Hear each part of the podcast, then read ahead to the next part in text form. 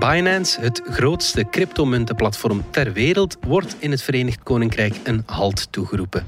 Meer en meer financiële toezichthouders en overheden maken zich zorgen over de handel in cryptomunten en willen een strengere regulering. Waarom is dat zo en valt de markt van virtuele munten wel te reguleren? Het is woensdag 7 juli. Ik ben Alexander Lippenveld en dit is vandaag de dagelijkse podcast van de Standaard.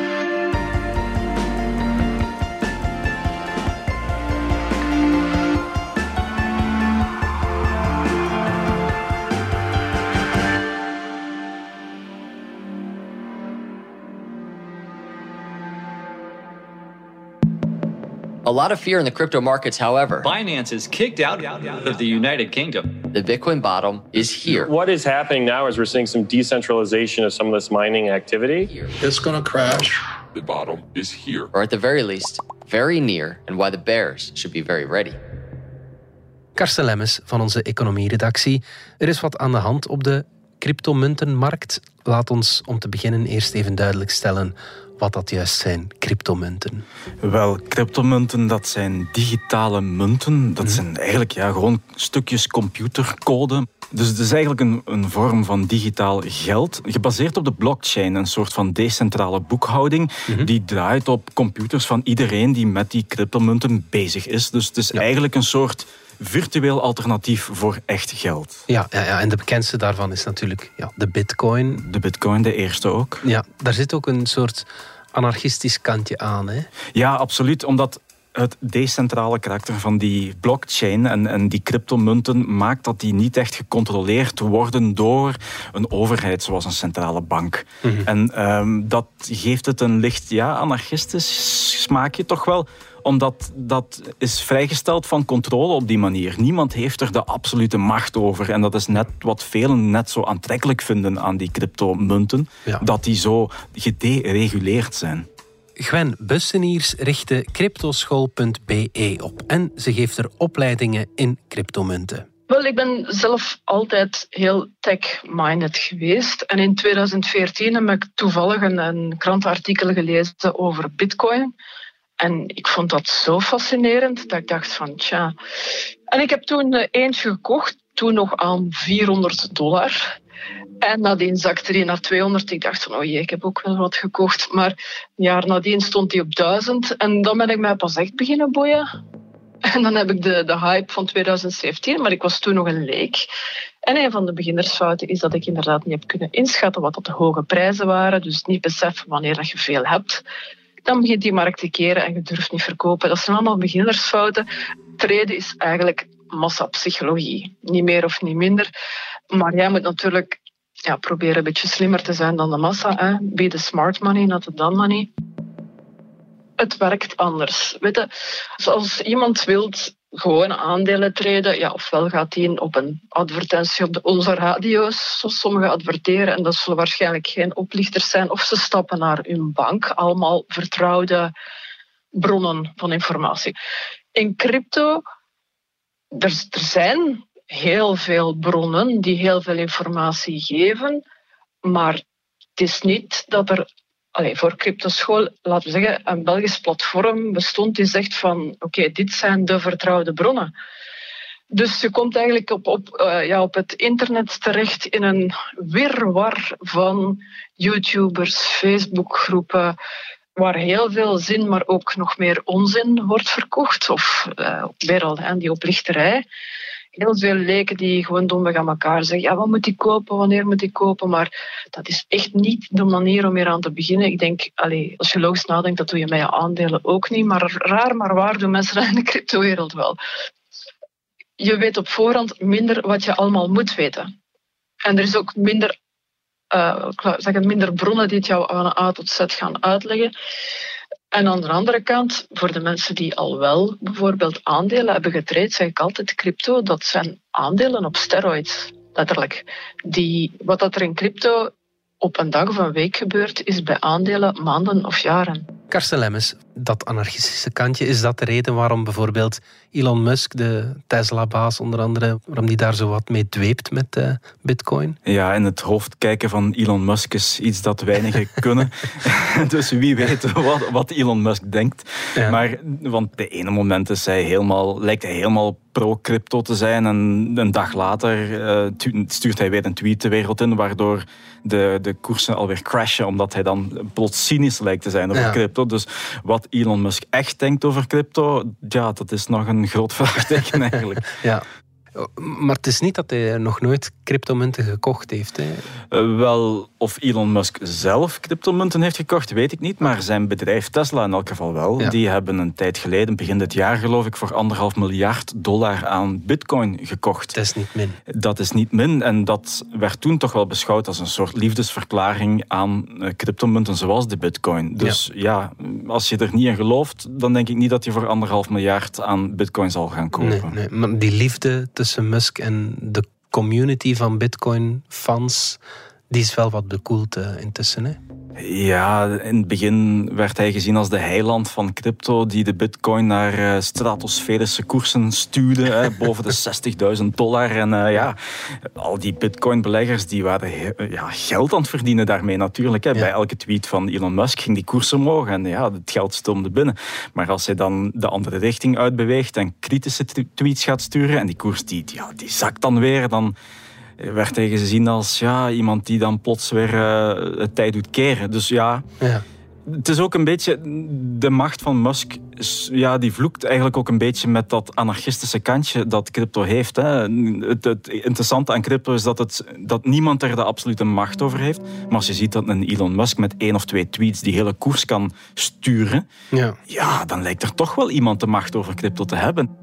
Dat Elon Musk met zijn tweets de koers van crypto bepaalt, dat is ook een doorn in het oog van Anonymous. In een video die vorige maand gepost werd, zegt het hackercollectief dat Musk zo mensenlevens verwoest heeft. Greetings citizens of the world. This is a message from Anonymous for Elon Musk. Recently your carefully created public image is being exposed and people are beginning to see you as nothing more than another narcissistic rich dude who is desperate for attention. It appears that your quest to save the world is more rooted in a superiority and savior complex than it is in actual concern for humanity. Reading from the comments on your Twitter posts, it seems that the games you have played with the crypto markets have destroyed lives. Millions of retail investors were really counting on their crypto gains to improve their lives. You may think you are the smartest person in the room, but now you have met your match. We are anonymous. We are Legion. Expect us. Tesla, het bedrijf waar Musk baas van is natuurlijk, zou Bitcoin aanvaarden als betaalmiddel om ja, hun auto's te gaan kopen. Hè? Klopt, dat hebben ze toen aangekondigd. Je kon in de toekomst met bitcoins een Tesla kopen. Wie de vraag, dat? Ja, de vraag is of iemand dat ooit zal doen. Want, want vandaag is, allee, laat ons heel eerlijk zijn, mensen die betalingen uitvoeren met bitcoin, dat is nog vrij uitzonderlijk. Het is vooral een investeringsvehikel vandaag voor velen. Iets dat moet opbrengen. Maar dat kwam hem ook onmiddellijk op veel kritiek te staan, omdat Bitcoin heeft een kwalijke reputatie als het op uh, milieuvriendelijkheid aankomt. En laat Tesla nu net het bedrijf zijn dat door middel van elektrische wagens een ommekeer in, in de, de, milieuproblematiek wil teweegbrengen. En dat kwam hem toen op veel kritiek te staan. En daarom is hij er ook een beetje op teruggekomen op die uitspraak van je kan Tesla's kopen met bitcoin. Ja. Plots kon dat toch niet meer en zei hij we gaan dat pas doen wanneer het merendeel van bitcoins milieuvriendelijk kan worden gemined. Ja, oké. En hoe komt het dan dat een digitale munt, dat dat iets klimaatonvriendelijks is? Wel, dat heeft te maken met de blockchain die daaronder zit. Mhm. De computerkracht die nodig is om die munten, om die transacties weg te schrijven in de blockchain en die nieuwe munten te creëren. Dat zijn eigenlijk heel complexe wiskundige puzzels die computers moeten oplossen.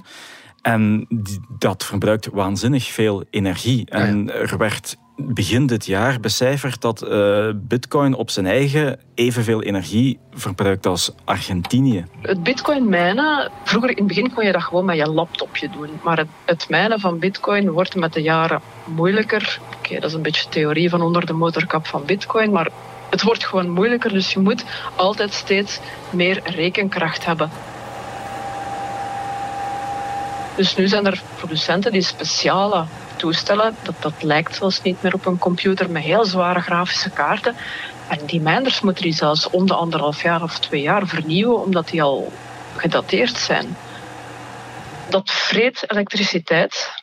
Ik herinner me van een aantal jaar geleden dat die vergelijking gemaakt werd met een klein land, het was Slovenië of zoiets, veel kleiner dan Argentinië. Is het dan zo hard aan het stijgen? Ja, want eigenlijk dat energieverbruik wordt groter naarmate bitcoin populairder wordt. Omdat die, hele, die hele blockchain is zo opgezet. Er is een maximaal aantal bitcoins dat ooit kan worden gemaakt. 21 miljoen stuks. En er is ook een timeframe waarin die zullen worden gemaakt. Dat is tegen 2140. Dan zullen de 21 miljoen bitcoins zijn gemaakt. Mhm. Dat wil zeggen dat er een bepaalde cadans moet zijn waarbij er nieuwe bitcoins op de markt komen om niet te snel te gaan of te traag te gaan. Maar als bitcoin al maar duurder wordt, zijn al maar meer mensen geïnteresseerd in. Logisch, iedereen wil zijn graantje meepikken. En gaan al maar meer computers die berekeningen doen. Ja. Maar omdat die cadans moet worden aangehouden, worden die berekeningen automatisch complexer. En het computervermogen dat daarvoor nodig is, wordt steeds groter. Het energieverbruik stijgt mee. Dus dat is gewoon inherent aan het systeem. Ja. Om dan even terug te komen op, op Elon Musk, heeft hij een punt? Moet dat dan klimaatvriendelijker worden? Ja, zeker. Nu, voorstanders van Bitcoin zullen zeggen dat het al heel klimaatvriendelijk is, omdat, het, uh, omdat er veel gebruik wordt gemaakt van hernieuwbare energiebronnen. We zien heel vaak Bitcoin farms uh, waar gemined wordt, naast stuwdammen verschijnen of ergens waar heel veel zonne-energie is of plekken waar heel veel ja, duurzame energie voorhanden is. Ja. Je kan dat doen en zeggen van dat moet allemaal zo.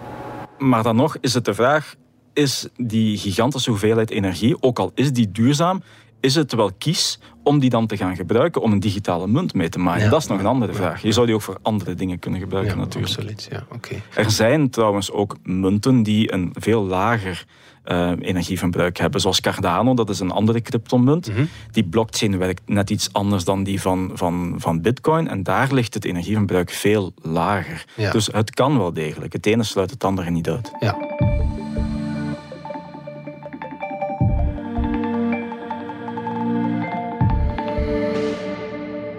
Overheden willen de, de cryptomarkt nu gaan reguleren. Waarom willen ze dat?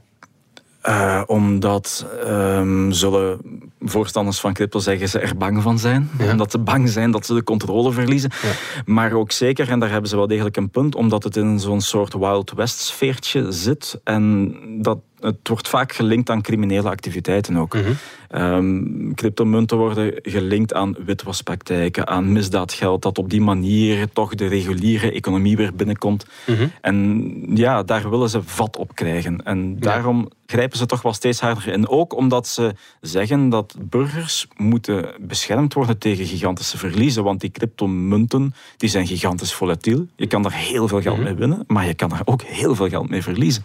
Dus dat kan ook tot, tot ja, financiële drama's leiden. Dus dat allemaal samen maakt dat ze daar toch wel strikter mee willen omgaan. maar is dat niet eigen aan een financiële markt dat dat tot drama's kan leiden? Ja, maar op, in de traditionele financiële markten heb je toch wel tal van regels en reguleringen en zo. En die bestaan toch niet echt in die cryptomarkt. Dat is een beetje, ja, ik zeg het, een, een wilde westen waar alles zo'n beetje kan. Ja, ja. In het Verenigd Koninkrijk wordt Binance geviseerd. Dat is een platform. Wat, wat is dat juist? Binance is een, eh, een, een beurs, ik geloof zelfs de grootste in de wereld, waar je dus kan handelen in crypto. Je kan daar met euro's of dollars of ponden uh, crypto kopen en, en aanhouden en, en, verkopen. En ja, dat is een platform dat daarvoor dient. Binance is een cryptocurrency beurs. Dus dat is eigenlijk een, een website. En daar kan je dus als beginnend trader een account aanmaken. Uh, dan moet zij bepaalde gegevens, dat kan vrij ver gaan hoor, tot, tot uh, stemherkenning of, foto's of uh, u, zelfs uw loonbrief. dat is allemaal die regulering, maar ik juich dat alleen maar toe. Dus zij maakt daar zo een account aan. En dan kan jij gewoon met Visa of via een bankoverschrijving stuur jij euro's naar je account bij Binance. En dan kan je daar gewoon met één druk op de knop zeggen van ik wil voor zoveel euro bitcoin of een andere crypto kopen. Binance is gewoon heel populair omdat het heel veel cryptocurrencies aanbiedt. En daarnaast ook ja, derivata. Je kan er ook opties gaan treden of futures, maar dat is voor de meer gevorderde. Het Verenigd Koninkrijk heeft daar tegen opgetreden omdat zij niet zouden uh, voldoen aan anti-witwasreguleringen uh, en dergelijke meer. Maar het is heel lastig om, om Binance, om daar achteraan te gaan, omdat dat een bedrijf is dat niet echt een hoofdzetel heeft en eigenlijk niet echt hmm. ergens gevestigd is. Ze hebben al in China gezeten, in Japan gezeten, in Malta gezeten en tegenwoordig zitten ze op de Cayman-eilanden, toch ook wel een plek die vaak wordt geassocieerd met dodgy, dodgy financiële praktijken. Dus, en ja, het is ook moeilijk aan te pakken. Mij doet het een beetje denken aan destijds de jacht op de Pirate Bay. Uh, die, die, die, illegale, torrent site. Uh, dat, dat was ook zoiets. Hè. Een land dat daar tegenop en dan verhuisde die naar een andere locatie en hop, en daar was de Pirate Bay weer. Ja. En zo is dat met Binance eigenlijk ook. Je kan daar eigenlijk amper tegenop treden. Ja, ja, ja. Bij de Pirate Bay waren er natuurlijk illegale activiteiten, zijnde het illegaal verspreiden van auteursrechtelijk beschermde content. Is dat hier ook het geval? Op zich niet noodzakelijk. Hè. Niks, het is niks illegaals aan het aanhouden van cryptogeld. Hè. Dat is een totaal geen criminele activiteit aan zich. Hè. Maar natuurlijk zijn dingen als witwassen van geld en misdaadgeld verhandelen, zijn dat wel. Ja, ja, ja. In China gaat men niet enkel de handel uh, in cryptomunten aanpakken, maar ook het minen zelf, wat we daarnet uitlegden. Waarom? Officieel heeft dat te maken met uh, klimaatoverwegingen, uh, het energieverbruik. Er zijn plaatsen in uh, China waar dan toevallig een, een, grote dam staat en veel duurzame elektriciteit wordt opgewekt en waar dus ook heel veel bitcoins wordt gemined of andere cryptomunten. Um, daar wordt nu op ingegrepen. Dus elektriciteitsfirma's moeten echt monitoren waar wordt hier gemined. En dan moeten ze die activiteiten ja, afsluiten. Dus ze willen dat daar weg hebben in sommige streken de komende jaren. En dat moet dan gewoon stoppen. Officieel gaat dat dus omwille van milieuregels. Maar we weten natuurlijk ook wel dat de Chinese overheid graag controle heeft over alles wat er gebeurt in China. Ja. En zo ook crypto. Ehm, en daar hebben ze nu geen controle Daar hebben ze geen controle over. Vinden ze natuurlijk niet zo leuk. Um, ze werken trouwens ook aan een eigen cryptoversie van de Chinese uh, eigen munt. Mhm. Waar ze dan natuurlijk wel controle over hebben. Dus dat het anarchistische crypto-wereldje op weinig sympathie kan rekenen in een land als China, mag niet echt verbazen. Dus sowieso is Azië altijd van in het begin, moet ik zeggen, een grotere speler geweest, meer mensen interesse. Um, maar dan ook in dat heel mijningverhaal. Uh, landen waar goedkope elektriciteit is, daar gaan mijners zich bevinden. Of ecologisch, hè, want ze verhuizen nu bijvoorbeeld naar Texas omdat daar veel zon- en windenergie is. En dus in België, in België is dat niet winstgevend omwille dus van die elektriciteitsrekening. Andere munten misschien wel, hè, maar niet bitcoin. Zijn er in België initiatieven om uh, meer controle te, te hebben? Voor zover ik weet, niet. Mhm. Er zijn tal van waarschuwingen. En je ziet ook wel dat uh, instanties zoals de FOD Financiën toch wel uh, er aandacht voor heeft. Hè. Zo zullen weinig cryptobeleggers weten dat als je ehm, winsten boekt met die cryptomunten, dat je daar volgens sommige bepalingen belastingen op zou moeten betalen. Je moet dat invullen op je belastingbrief tenminste als, als die handelingen een speculatief karakter hebben. Ja. Maar er is nog discussie over wat is dan speculatief, wat is dat niet. Maar er zijn wel waarschuwingen in die richting. In China werken ze aan een eigen digitale munt. Zijn er ook zo'n initiatieven in Europa bijvoorbeeld? Ja, want uh, bij ons, de ECB, dat is de Europese Centrale Bank, die werkt ook aan een digitale versie van de euro. Ja. Um, die zou er binnen een vijftal jaar moeten zijn. Al die initiatieven die halen natuurlijk een deel van de aantrekkelijkheid van Bitcoin weg. Voel je dat in de waarde? Ja, het is wel zo dat uh, beleggers in cryptomunten die gruwen van regulering. Mhm. En die vinden net, het, alles kan, alles mag, uh, sfeertje net zo aantrekkelijk. En al wat een rem kan zetten op de groei van die munten, van die markt. Ja, dat, dat wordt als slecht gezien. Hè. We zien ook telkens wanneer China uh, optreedt tegen bitcoin, mhm. dat die koers naar beneden gaat. Er is duidelijk een impact van, van overheidsregulering op het sentiment rond een cryptomunt. En dat vertaalt zich in koersen. Dat is uh, ontegensprekelijk zo.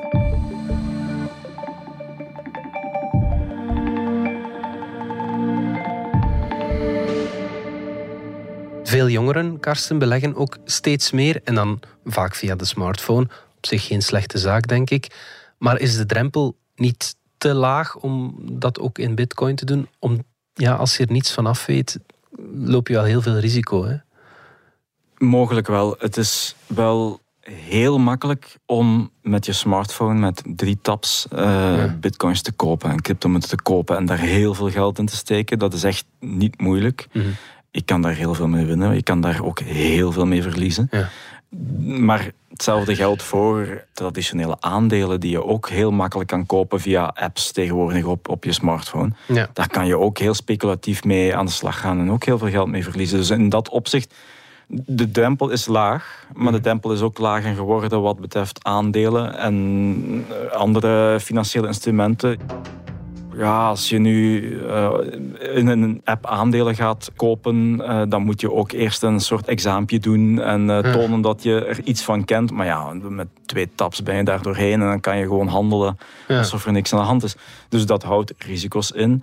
En dat is ook het gevaar van cryptomunten. Dat sommige mensen zijn echt believers daarin. En, en ze zeggen dan, uh, die crypto gaat to the moon, zeggen ze dan. Hè. De, de waarde van bitcoin is oneindig. Uh, dus, ja. uh, en zijn er rotsvast van overtuigd. Maar ja, is dat ook zo? Hè? Ik weet nog goed, toen ik vroeger in een bank wou... Um, een, een, een aandeel of een effectenrekening openen, moest ik een vragenlijst invullen van je beseft toch het risico van dit en zo en zo, hè, om te zien of dat jij, uh, ja, moet ik zeggen, weet wat dat verantwoord beleggen is. Ik zou het niet slecht vinden, moest er ook zoiets bestaan voor crypto. Sommige exchanges doen het nu zelf. Er zijn bijvoorbeeld de, uh, decentralized finance, veel winsten, veel risico's, maar daar zegt Binance, dus de, de beurs hetzelfde, pas op, hier zit veel risico aan vast. Maar ook daar ja, ook daar, mensen moeten, moeten zich op zijn minst een beetje inlezen of instuderen. Weet je, als u en ik een, een aandeel koopt van een Google, of, uh, ja, dan denk ik niet dat het vandaag op morgen 50% gaat zakken of stijgen. In crypto is dat wel mogelijk. Waar liggen de kansen, Karsten? Kan dit ook ja, u en ik, de mensen die niet per se in bitcoin uh, beleggen, verder helpen? Ik denk dat cryptomunten zeker een rol kunnen spelen als, als betalingssysteem. Mm. Waarom zou dat niet kunnen? Ik zeg het, vandaag wordt het vooral gebruikt om ja, te investeren. Om, om, om te speculeren op de koersstijgingen van die munten. Mm. Maar uiteindelijk is dat daar niet voor bedoeld. Uiteindelijk zijn die munten bedacht om betalingen mee te doen. Daar dient geld uiteindelijk wel voor. Mhm. En ik zou niet inzien waarom je een cryptomunt niet kan bestaan, terwijl klassiek geld wel kan bestaan. Mm Ik kan zeggen, ja, maar cryptomunt, daar zit niks achter, dat is lucht. Mhm. Maar dat is gewoon geld de facto ook. Hè. Geld dat is ook maar papier. Geld is ook maar papier. De goudstandaard is al lang geleden afgeschaft, dus daar staat geen echte waarde tegenover. Dus dat is ook, ook iets, een soort van conventie, dat we daar waarde aan toedichten. Mhm. Waarom zou dat met crypto anders hoeven te zijn? Mhm. ja, Oké, goed. Karsten Lemmes, dankjewel. Graag gedaan. Dit was vandaag de dagelijkse podcast van De Standaard. Bedankt voor het luisteren. Reageren kan via podcast.standaard.be. Alle credits vind je op standaard.be-podcast. Morgen zijn we opnieuw.